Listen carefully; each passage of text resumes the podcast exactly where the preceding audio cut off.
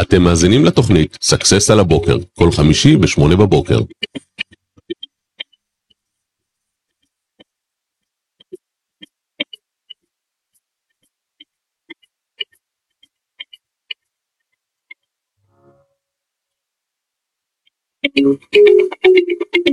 טוב, בוקר טוב. או, בוקר זאביק, טוב. איזה כיף החולצה הזאת, זה. עושה אנרגיה כזה, כאילו אנחנו כבר אוטוטו בסוף שבוע. כן, תשמע, מה, כשאתה... כשאתה עובד וזה לא ביעילות... ולא אלא- בכוח. כן, כשאתה בוחר לעשות את כל מה שאתה עושה, נכון. מבחינתי, כשאתה בוחר לעשות את מה שאתה רוצה, זה נקרא חופש. אז אנחנו בחופש. אנחנו בשידור הקבוע שלנו, סקסס על הבוקר. להיות פה, אנחנו נכון. חופשיים להיות פה ושמחים להיות פה, אני מאוד שמח להיות פה, עבר שבוע ועבר ביעף. שמע, החגים האלה, טוב, אתה רק מתחיל את השבוע ביום שלישי, אז פלא שהוא נגמר. כן. ועכשיו בכלל יש לנו עוד חגים ועוד חגים ועוד חגים. לא, לא רוצים להירגע מהחגים האלה. נכון, מעניין מאוד גם כן שהשנה עשו גשר אה, מטורף, אני חשבתי שזה הגשר... כן, הילדים ממשיכים. כן. שמע, טוב, זה, זה הסתדרות המורים וכל הגופים האלה שכיף להם, אה, נראה לי, להיות בחופש. כן, לעשות גשר. אנחנו. אנחנו מעדיפים קצת אה, דברים אחרים, אבל הכל בסדר, כל עוד אנחנו אני- פה, אני חושב שזה טוב לנצל דווקא את הזמן הזה שבאמצע, לגמרי. אבל אני שמח שמצאו את הגשר הכי ארוך בעולם. הגשר הכי ארוך בעולם עד היום היה בסין. אתה אומר שמשרד החינוך הצליח לנצח גם אותו, ככה. מדהים. אז היום אנחנו הולכים לדבר על אה, מה עושים כשאין תזרים מזומנים. כמובן שגם אתם מוזמנים לשאול אותנו שאלות, הסיבה שאנחנו עושים את הלייבים האלה היא בדיוק בשביל לעזור לכם. תרגישו בנוח לשאול שאלות עבור חבר. אתה יודע שכשאני הייתי עושה משהו לא בסדר בכיתה, כן. הייתי בא לאימא שלי והייתי אומר, אמא, נכון זה לא בסדר שמורה עשתה ככה וככה לתלמיד אם הוא יתנהג ככה וככה? והייתי מחפש את הלובי, ואם הייתי מקבל לובי הייתי אומר לה, אמא זה אני. כן. אז אה, אם אתם רוצים לשאול אותם שאלה על חבר שאין לו תזרים מזומנים, ויש לו בעיה איך להתנהל ומה לעשות, זה הזמן. שאלה, זה לא בשבילי, זה בשביל בדיוק, אפשר חבר. בשביל חבר. אה, פתחנו עכשיו לראשונה היום גם אה, שידור לייב ביוטיוב, ואפשר גם שם לשאול אותנו שאלות. אנחנו פה בשביל לעזור לכם בכל מה שאפשר, כדי לעשות את זה הרבה יותר טוב, כדי שתגיעו לרווח ולרווחה. זו המטרה שלנו בהחלט. בסופו של דבר. אז אה, מה, תן לי איזה אתגר ככה למישהו שאין לו תזרים מזומנים ואיך אנחנו עוזרים לו. תשמע, אני אה, חייב להגיד לך שבאמת אה, הנושא הזה, הוא, אני מרגיש, ומה שאני חווה, הוא, הוא, זה פשוט מקצה לקצה. זאת אומרת, זה כמעט אף אחד, זה לא מדלג על איש, בין אם בעלי עסקים, ועם עסקים, וגם עצמאים, וגם משפחות. אה, מצד אחד, אנחנו אה, רגילים לחיות ברמת חיים מאוד גבוהה, צריך לומר את זה. זאת אומרת, על כל דבר, ההוא עם ה... אני רוצה עם קרואסונים שקדים, הוא רוצה קרואסונים... אתה יודע מה, אני לא רוצה להגיד שאנחנו רגילים לרמת חיים גבוהה, אני חושב שיקר לחיות. יקר לחיות. היום אתה הולך לסרט, נכון. למסעדה, לכל בילוי הכי פשוט שיש, לא אומר חיי מותרות, לא אומר תבואו איתנו לטיולי פורשים, או אתה יודע, דברים כאלה. וואלה, אתה יוצא עם ילדים למסעדה, זה, זה מאות שקלים, נכון. אה, תלוי כמה ילדים יש לך, אבל אתה, בכל כל בילוי, היום ללכת לסרט זה מאות שקלים. תראה, אני גר בתל אביב, זה, רק אני יוצא מהבית, זה קנס 50 שקל, רק על היציאה. יפה. שיצאת מהבית. אז מה עושים בעסק שאין כסף? זה השידור שלנו היום. בואו נתחיל מזה ששיווק לא עולה כסף, אתה יודע? אה, זה סוד גדול. שיווק דורש רק יוזמה. אתה יודע, פעם, אה, אני אתן לך דוגמה, אחד הכלים בשיווק, שהם הכלים בעלי היכולת המרה הגבוהה ביותר, אתה יודע מה הם? נו. שיחות טלפון. שיחות טלפון, אני מה זה שמח שאתה מעלה את זה. ומה מה הבעיה שלכם אם אין לכם מספיק לקוחות או אין לכם מספיק שיווק? אתה לא צריך כסף, אין לי כסף לפרסום. לא נכון, אתה יכול להרים טלפון, אתה פשוט עצלן. נכון. תרים טלפון, תעשה שיחות, יהיה לך לקוחות. אתה יודע מה? אתה מכיר את קו 11, הוא אפילו לא עולה כסף. קו 11 זה השתי רגליים שלך. לך דור טו דור, אתה יודע, אני, קרה לי משהו מצחיק שבוע שעבר. אנחנו יושבים במתחם עסקים עד שהמשרד שלנו יהיה מוכן. יום ראשון אנחנו פיזית עוברים לעבור כבר מהמשרדים החדשים. יש לנו שני לקוחות כבר שהגיעו מהמתחם, הם הגיעו אלינו לבד, שמעו עלינו דברים טובים, או מצאו אותנו, מצחיק, אחד מהם מצא אותנו ברשת, שהיא גילתה אחר כך שאנחנו פה. והשכנים שלכם יכולים להיות לקוחות שלכם, זאת אומרת, רק חסרה יצירתיות, לא צריך שום כסף לפרסום. כן, לגמרי, אני ממש מסכים עם זה, ואני נורא שמח שאתה מעלה את זה. אה, למרות שחלק מהדברים שאני עושה זה באמת אה, ללמד אה, שיווק דיגיטלי ואיך עושים קמפיינים ממומנים בטיק טוק, בלינקדאין, בפייסבוק. בכל ב- פלטפורמה. בכל פלטפורמה אפשרית. אפילו עלה קורס טיק טוק שלך אתמול, אה, מי שרוצה יכול לרכוש קורס טיק טוק מקצועי ב-490 שקלים פלוס מע"מ, זה אצלנו ב- באתר. נכון, אני ממש ממליץ על הקורס הזה, וכל מי שהתגעגע להרצאות שלי, אז אה, זה לו טוב.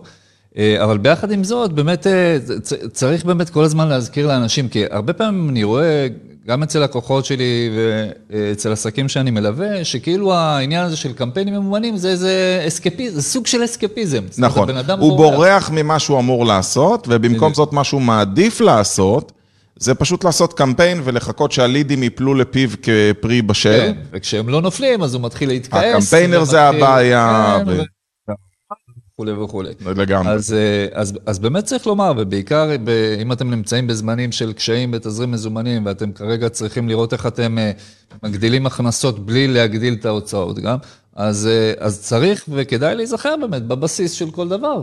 עזוב, אני אתן לך כמה דוגמאות. מה אם לחזור לאנשים שהוצאת להם הצעות מחיר ולסגור אותם? מה אם להחזיר לקוחות עבר? מה אם לפנות ללקוחות שנמצאים אצלך בשירות לבקש המלצות?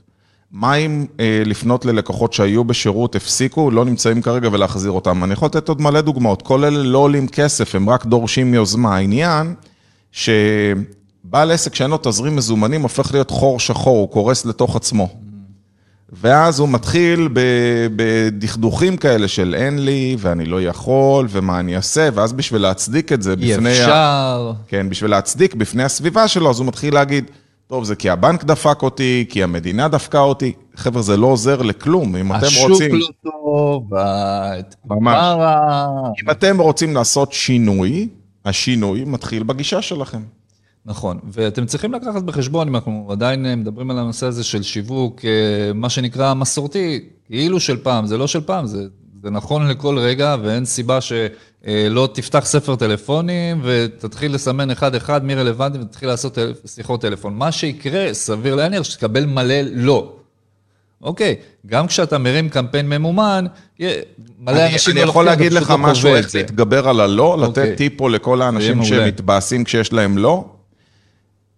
כל אחד יודע פחות או יותר מה היחס אה, סגירה שלו. נגיד שאתה מתקשר ללקוחות עבר, ויש כאלה שאומרים לך לא, עד שפתאום מישהו אומר, אתה יודע מה, בוא ניפגש לקפה, תן לי את היחס, נגיד, אחד לכמה. אחד לשמונה. יופי. אז אם אני התקשרתי עכשיו לארבעה, וארבעה אמרו לי לא, אני אומר, יש לי רק עוד שלושה עד שהבא בתור יגיד לי כן. אז איזה כיף, יאללה, אני אעשה עוד שיחה בהתלהבות, כי אוטוטו אני מגיע לכן. זאת אומרת, במקום להתבאס מהלא, תמדדו את היחס המרה שלכם, תראו איך להשתפר מפעם לפעם, ותדעו שכל לא מקרב אתכם לכן, זה שינוי גישה אחר לחלוטין. בהחלט, ואני אוסיף על זה עוד משהו גם, אה, שגם אה, כל אדם שנתן לך לא פעם ראשונה, בסדר? אם תיתן לו קצת זמן ותחזור זה לא אליו, עכשיו. אתה, בדיוק, תעשה עליו פולו-אפ, אז לא, ועוד לא, ועוד לא. אני יכול להגיד לך שתקן. שקורה לי כל שבוע של אנשים שהיו איתי בקשר לפני שנה, שנתיים, שלוש, עשר, שפתאום אומרים, אתה יודע מה, עשיתי טעות שאז לא התחלתי איתך, עשיתי טעות שלקחתי את היועץ ההוא, עשיתי טעות שבכלל הלכתי על העסק הזה בלי להתייעץ, על העסק הבא אני בא להתייעץ איתך. רק השבוע מנענו מעצמנו לתת ייעוץ לבן אדם, שאמרתי לו, לפני שאני מלווה אותך, הוא רצה שנעזור לו אה, לפתוח גן אירועים, לקנות גן אירועים שהוא רוצה לעשות לו שינוי. אמרתי לו, לפני שאתה עושה את זה, בוא תן לנו לבדוק, וגילינו שכל ה... מה שניסו למכור לו היה פשוט נוכלות אחת גדולה. ואמרתי לו, תשמע, אין, אין עסק ללוות אותך. אז הוא אומר, טוב, אז לא צריך את הייעוץ. אמרתי לו, לא, בדיוק בגלל זה היית צריך את הייעוץ, עכשיו בוא נעזור לך למצוא עסק טוב ונכון, שישמור עליך. והוא הסכים, ועכשיו אנחנו כבר מלווים אותו במציאת העסק. אז, אז לא, זה לפעמים דבר טוב. כן, בהחלט, כי... הוא מציל אותך. בהחלט, אין ספק שהחלטות, אה, החלטה אחת שגויה יכולה להיות... אה, אתה יודע, בדיוק היום עשיתי סרטון על זה שאנשים לא יודעים להעריך את השווי של לפעמים טיפ אחד טוב, אתה יודע. אה, נגיד, אם עכשיו היית צריך להלחים חוט לחוט, ממש חוט ברזל אחד לחוט ברזל שני, שיעבור ביניהם מתח, כמה היית מוכן לשלם על להעביר את ה... לא הרבה, כי בטח הייתי מנסה לעשות את זה בעצמי. אוקיי, ואם היית לוקח בעל מקצוע שהוא צריך להלחים חוט, כמה היית מוכן לשלם על זה? מה שבשוק, לא יודע, מה שהוא יבקש, אני לא... אז אני שילמתי 500 שקלים והייתי שמח. איך זה הגיוני? 500 שקלים. כן, אתמול, ומה זה הייתי מאושר? אפילו הרגשתי שזה בזול. אה, הייתה לי תקלה ברכב שלי, יש לי ברכב בולמים מגנטיים, שזה בולמים מיוחדים שיודעים להתכוונן אלף פעם בשנייה. כי זה רכב ספורט מאוד מאוד אקסטרים שבודק את עצמו, ו... ונדלקה לי התראה שיש לי בעיה בבולם, ויותר גרוע מזה, הרגשתי שבאמת יש לי בעיה בבולם, כי הייתי עולה ופתאום הייתי שומע שהבולם השמאלי שלי מקבל באם, באם, מכות כאלה, אמרתי, יאללה, אם הלך פה בולם, זה מכה מכה, וזה עולה הרבה כסף. הגעתי למוסך, והמוסכניק לשמחתי הוא מקצועי, והוא בדק את הכל, ובסוף מה שהוא גילה, זה שהיה חוט משוחרר, במהלך הזמן, אתה יודע, חוט שאתה עושה לו הרבה פעמים ככה, למעלה, למטה, הוא מתנתק, הוא נגע בקונקטור, נפל החוט, הוא אומר, תשמע, זה התנתק במקום מאוד מאוד בעייתי, צריך לחשוף את החוט, לעשות את הכל, צריך להלחים את זה, וזה יסתדר. פתר את הבעיה על ה-500 שקלים במקום להחליף את כל הבולם, והייתי שמח ומאושר, כי הוא פתר לי בעיה שיכולה להיות הרבה יותר גדולה. ובעל מקצוע טוב, הוא לא נמדד בעבודה שהוא עושה או בכמה שהיא עלתה, הוא נמדד במה הוא פתר לך וכמה זה היה עולה. וזה מה שאנחנו צריכים להבין. אז אם מישהו אומר לנו לא, לפעמים זה בסדר גמור, הציל אותנו. כן, לגמרי. אני חושב נחזור לתזרים מזומנים. נחזור לתזרים מזומנים, ובעצם אנחנו רוצים לחשוב, אוקיי, נקלענו כבר, אה, אם נקלענו כבר למשבר של תזרים מזומנים או לבעיה של תזרים מזומנים, כמובן שעשינו איזושהי התייעלות קודם, אבל בואו ננסה בכל זאת אה, לתת כמה כלים, מה בכל זאת אפשר לעשות. נקלעת כבר למצב כזה. בסדר, אוקיי. אה, אתה יודע שיש לנו מאגרי כספים שאנחנו לא יודעים עליהם. זה כמו שבן אדם יכול להישאר בלי אוכל המון המון זמן. אתה יודע ששיא העולם ב- בפסטינג, בלצום בלי אוכל, רק מים, עומד על משהו כמו שנה. וואו. כן, בן אדם שהיה מאוד מאוד שמן, והוא הצליח שנה להיות בלי אוכל רק על מים. אה, כמה שנים אחר כך הוא מת, אבל מסיבות אחרות. מסיבות אחרות. כן, אבל אה, צריך להבין שבעצם יש לנו מאגרים שאנחנו לא מודעים אליהם. פעולה ראשונה זה לך תגבה חובות שיש לך בחוץ. יפה. כל אחד, אין עסק שאין לו כסף בחוץ. אה, הרבה פעמים מזניחים את זה, או דוחים את זה, או אפילו מוותרים על זה. אה, לפעמים אה, לא נעים, יש, אה, יש עסקים שיש להם בן אדם שעוסק בזה בגבייה, ויש עסקים קטנים שלפעמים הבעל עסק בעצמו צריך לעסוק לרוב בזה. זה, לרוב בעסקים הקטנים בעל העסק עסוק בגבייה, והוא לא מגיע אף פעם לגבייה. נכון. וגם לא נעים לו, וגם הוא לא רוצה להיראות לחוץ, הוא לא רוצה להיראות... נכון, יש את. השיקול הזה, כאילו, אם אני, יגידו, מה, אתה מתחנן? מה, אתה כזה לחוץ? מה, בכוונה גורמים לך להרגיש כאילו לא בנוח. בדיוק. אתה יודע, זה מזכיר לי שאבא שלי היה הראשון לגרום לי להרגיש לא טוב לגבי כסף. באופן בלתי מודע, זה היה נראה מאוד מבדר מבחינתו, שהייתי בא כזה בתור ילד מאוד מאוד, אה, היה לי כבוד גדול לאבא שלי ועדיין יש לי, והייתי בא ואומר לו, תמיד הייתי בא לאמא שלי, אמא, מה עם הדמי כיס? אז היא אומרת, לך לאבא, כאילו, זה אבא נותן את הכסף, והיה מגיע לי חמישה שקלים בשבוע. זה מה שאני זוכר בתור ילד, וזה היה תמיד מספיק לי לבמבה, טעמי וטרופית. כאילו, זה מה שזה היה מספיק לי. כן, נכון? אני תמיד שמרתי על הבריאות. ו... ואז אה, הייתי בא אליו ואומר, אבא, מה עם הדמי כיס? אז הוא אומר לי, תזכיר לי. אומר לו, אבא, סיכמנו שאני מקבל דמי כיס, כמה מגיע לך? אני אומר לו, אבא, זה חמישה שקלים, זה כל הזמן חמישה שקלים, לא הייתי מבין את הבדיחה. אז הוא אומר לי, תזכיר לי מי אתה. כאילו, כל פעם היה מסתלבט עליי כזה שהייתי בא לבקש את הכסף, ואז כזה כבר לא היה נעים לי לבוא לבקש את הכסף, כאילו הייתי אומר, אולי אני לא אבקש, לא, אולי אני לא צריך את זה. ובדיעבד, זה אחת הסיבות שהלכתי לעבוד בגיל מאוד מאוד צעיר. אני בגיל 10 הלכתי לעשות משלוחים אצל הירקן בלי שההורים שלי ידעו, כדי שאני ארוויח את הכסף שלי בעצמי ואני לא אצטרך לבקש מאף אחד. קיבלת כפול מיד. בטח, הייתי מרוויח הרבה, יכלתי לקנות אולר בלי שהם ידעו. אתה יודע, זה היה השאיפות בתור ילד. אז. כסף תמיד יש, אתם צריכים רק לדעת למצוא אותו. אה, אתם לא, לא צריכים לחשוש, יש המון המון כסף. הגישה היא שיש המון המון כסף, אבל הוא לא אצלך. זאת אומרת, איפה נמצא, who's got my money, למי, למי יש את הכסף שלי? יכול להיות שהכסף נמצא בזה שסגרת עסקה, אתה יכול ללכת לקחת מקדמה. יש לי לקוח שמה שעשיתי זה כשלא היה לו כסף להביא סחורה מחו"ל, עשינו מכירה מוקדמת, אמרנו בוא תקנה במחיר שאני קונה עם קצת עלות טיפול, כדי שאני אוכל לממן את הקונטיינר שיצא לכולנו יותר בזול, והיינו עושים גבייה מכולם לפני. מדהים. אה, עוד דבר ש... שכדאי לבדוק ב... במצבים כאלה, בכלל, כדאי תמיד לבדוק, אבל זה כל התשלומים לספקים. אה, הרבה עסקים אה, עובדים עם המון ספקים חיצוניים. גם יכול להיות מצב שאתה יכול לגשת לספק ולהגיד לו, אוקיי, בוא תעשה לי שנייה אחת פריסה, בוא תתחשב בי בנושא של התשלומים, אה, וככה טיפה גם לשחרר אה, לעצמך אה, תזרים מזומנים. ועוד דבר שאפשר לעשות, זה באמת אולי זה זמן טוב לבדוק, להחליף אפילו ספקים. יכול להיות, נכון. אני מכיר לא מעט עסקים שאתה יודע, עובדים שנים עם איזה ספק, והכל על אוטומט. אשראי ספקים זה האשראי הטוב ביותר שאתה יכול לאחל לעסק שלך. כאילו, אין שום בעיה לייצר אשראי ספקים, אתה יכול להגדיל שם את האשראים בלי שום בעיה.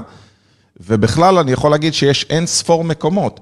אתה יודע, זה מצחיק, איפה יש אשראי, הרי מה קורה? הרבה פעמים אנשים בגלל לחץ תזרימי, זה בגלל שבבנק כאילו נגמרה להם המסגרת. אתה יודע איפה יש אשראי שרוב האנשים לא יודעים עליו? בכרטיס אשראי. יש הרבה אנשים שלא באמת משתמשים בכרטיס אשראי, אבל המסגרת בבנק שלך והמסגרת שיש לך בכרטיס אשראי, היא אותה מסגרת אם זה כרטיס בנקאי. ואז אתה יכול להגיד, נגיד יש לי 50 אלף שקל בכרטיס ואני משתמש רק ב-20, בואו תעבירו לי 30 לחשבון בנק והוא יגדל. או לחלופין, אתם צריכים עוד אשראי, לכו תוציאו כרטיס אשראי חוץ-בנקאי, תקבלי בו, בו אוטומטית. תלוי לפי הניקוד שלכם ב-BDI, אבל 20, 30, 50, כל אחד לפי המסגרת שלו, והנה אתה מקבל עוד אשראי להתנהל. יש גם גופים שייתנו לכם הלוואות חוץ-בנקאיות.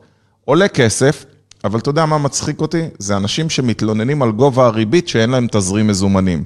זה כאילו להתלונן על מה מראה התרופה כשאתה מגיע לרופא ויש לך בעיה. אתה יודע, אתמול הלכתי, יש לי כאב בכתף שכרגע לא יודעים מה זה, אני כבר ברופא הרביעי, במטפל הרביעי. אתמול הלכתי לעוד אחד, וגם הוא מנחש מה יש לי. כל אחד אומר בשיא הביטחון מה יש לך, עד- עדיין אף אחד לא פתר את הבעיה. ו... והוא אומר, סליחה שאני מכאיב לך, תוך כדי הטיפול, כי הוא עשה לי טיפול כואב, עשיתי פיזיו ספורט, והוא לוחץ ממש איפה שכואב, לשחרר.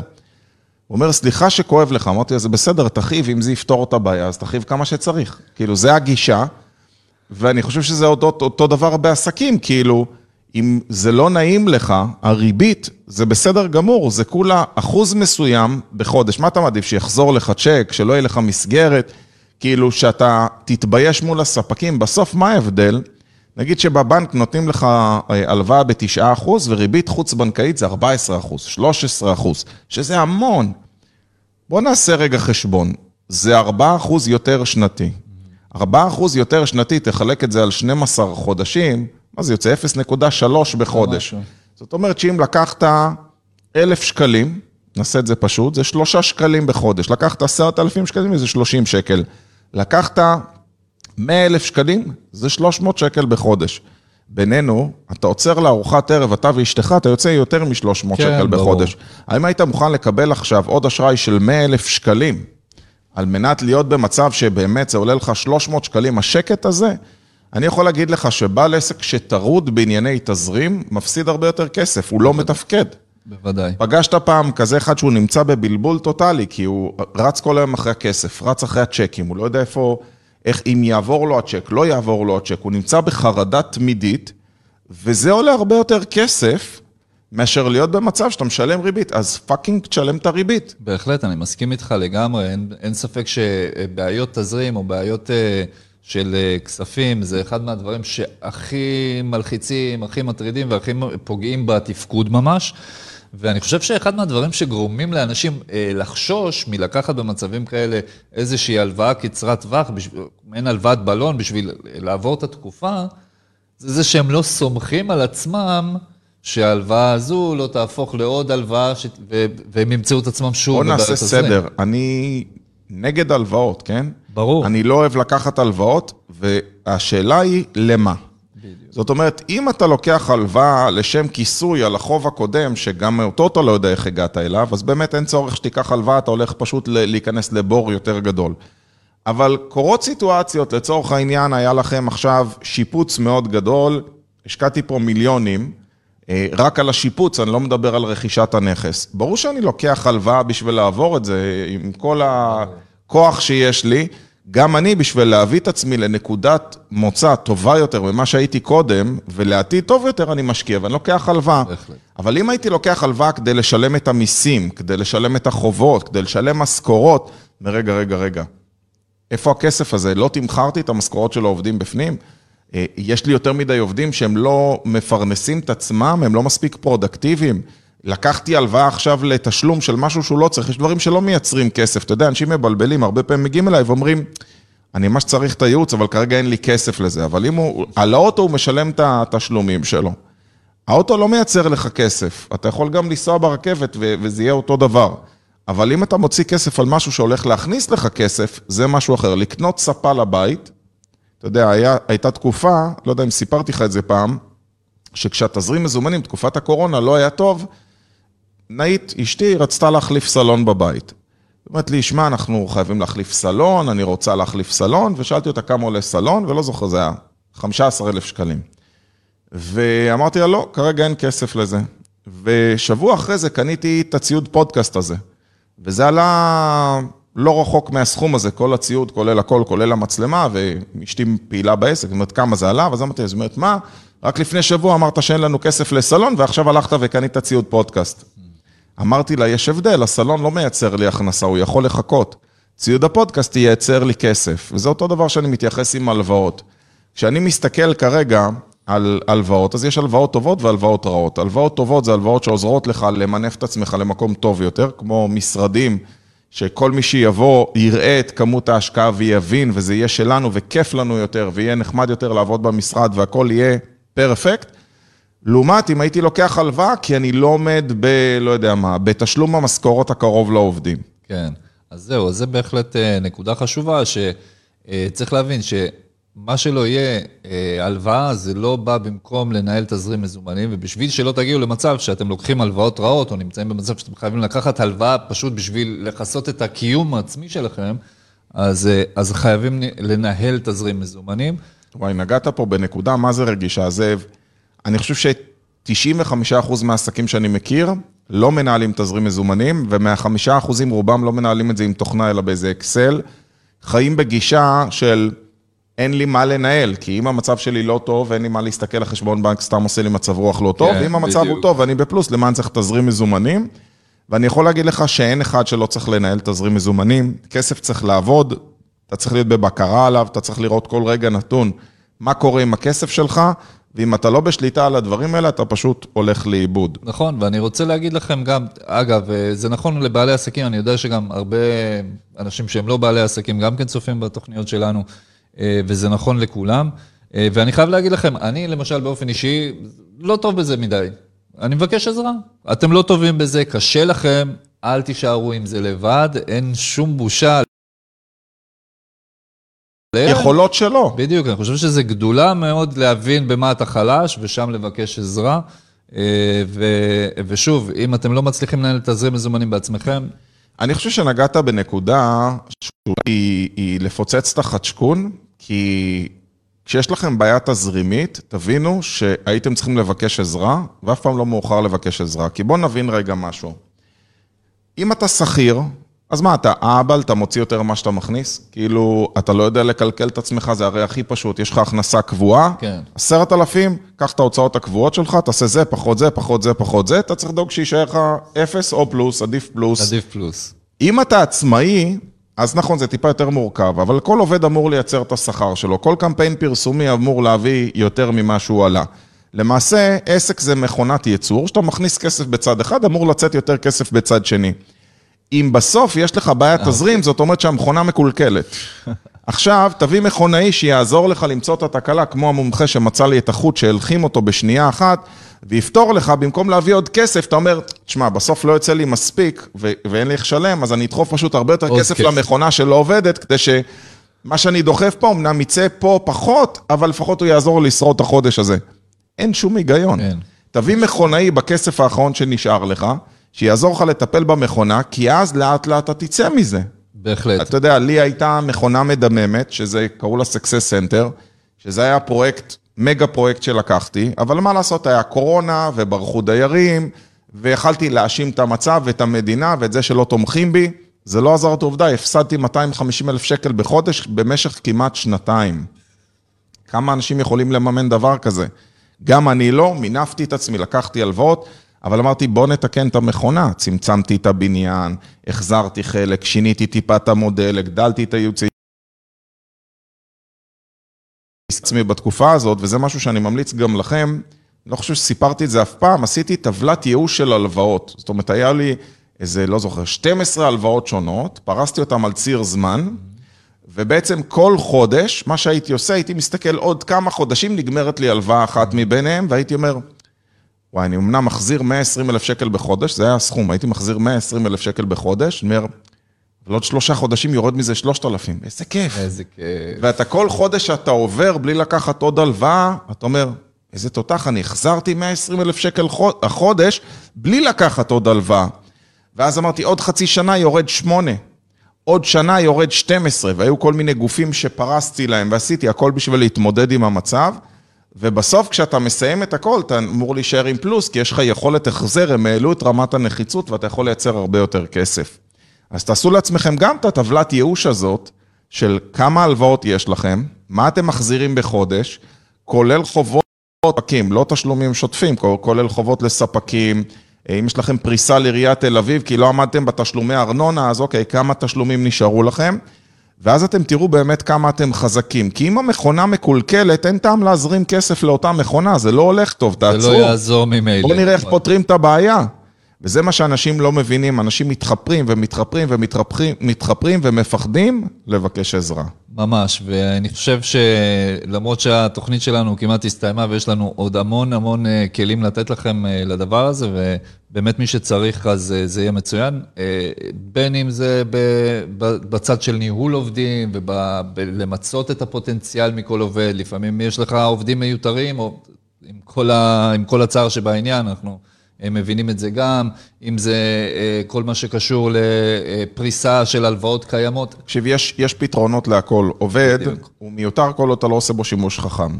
יכול להיות שכרגע אין לך לספק לו את העבודה שהוא היה אמור לקבל, אז בוא תשתמש בדברים, הוא אמור לייצר את הכסף שלו.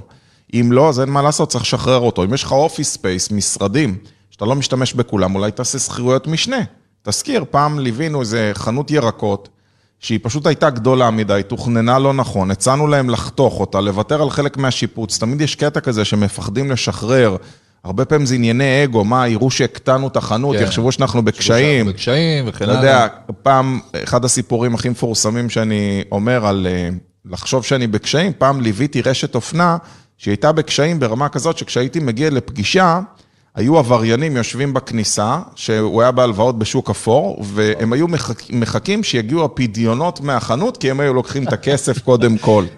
ואני יושב כיועץ, והוא אומר לי, כן, הם מחכים לפדיונות שעוד מעט יגיעו, ואני יושב עם הלקוח, ואני אומר לו, גיל, אתה חייב לצאת במבצעים, תראה, יש לך מלא סחורה, והסחורה לא נמכרת כי המחירים יקרים. אז הוא אומר, השתגעת, אנחנו בתחילת העונה, ואם אני אצא ראשון במבצעים, יחשבו שאני בקשיים. והוא פשוט פשט רגל מהחשש שיחשבו עליו שהוא בקשיים כלכליים. אז אה, כן, אין מה לעשות, צריך לצאת במבצעים, אז תצאו במבצעים. לפעמים, וזה אנשים עושים בעסקים בשביל לצאת מהמצב, לפעמים שווה לך למכור כמעט במחיר עלות, כי הפער התזרימי הוא מה שמציף אותך, זאת אומרת, אתה משלם לספק שלך שוטף 90, מהלקוחות אתה מקבל מזומן, במקום לתמחר פי 2, תתמחר ב-10% רווח, במקום ב-100% רווח, כן. אבל הפער הוא, אתה מייצר לעצמך תזרים של ארבעה חודשים, כי זה שוטף 90, ובינתיים אתה מציף את עצמך. אחר כך אתה צריך להעלות את המחירים, זה מהלכים שאני לא מציע לכל אחד, וצריך לדעת איך לעשות אותם חכם, כי אחר כך בוודאי. קשה לחזור, קשה מאוד לחזור למה שהיה קודם, ויש דברים שממש יכולים להקריס אותך פשוט ארבעה חודשים אחר כך, אבל זה בדיוק הסיבה שמביאים מכונאי, שיודע לפתור באמת את הבעיה.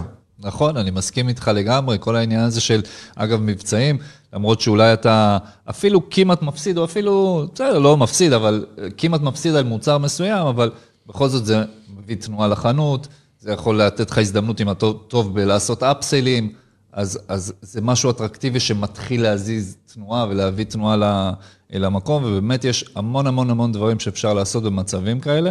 ומה שהכי חשוב, שוב, כמו שאני אומר, באמת, אל תישארו לבד בדברים האלה. אני מכיר כל כך הרבה אנשים שגם יש להם את הקושי הכלכלי, וגם את הקושי שהם לא, שהם לבד, והם לא מצליחים כאילו להיפתח בגלל, אולי בגלל בושה, בגלל, לא. אין- פתרון אחר לזה, זה הבחירה שלך, זה החיים שלך, זה העסק שלך, אתה המשחק הזה, בוא תראה כרגע איך אנחנו עושים אותו הרבה יותר טוב. טוב, אני חושב שעשינו יופי של שידור היום, אני מקווה שלקחתם. אם אתם עדיין לא מנויים לערוץ היוטיוב שלנו, תעשו subscribe, אם אתם עדיין לא עוקבים בפייסבוק, תעשו follow. אם אתם עדיין לא מנויים לשיעור היומי שלנו, אז אתם מוזמנים להירשם 0522-659-651. תשלחו הודעת וואטסאפ, אלעד תרשום אותי בבקשה לשיעור היומי ונשלח לכם קישור, או פשוט תירשמו בקישור שפרסמנו כאן.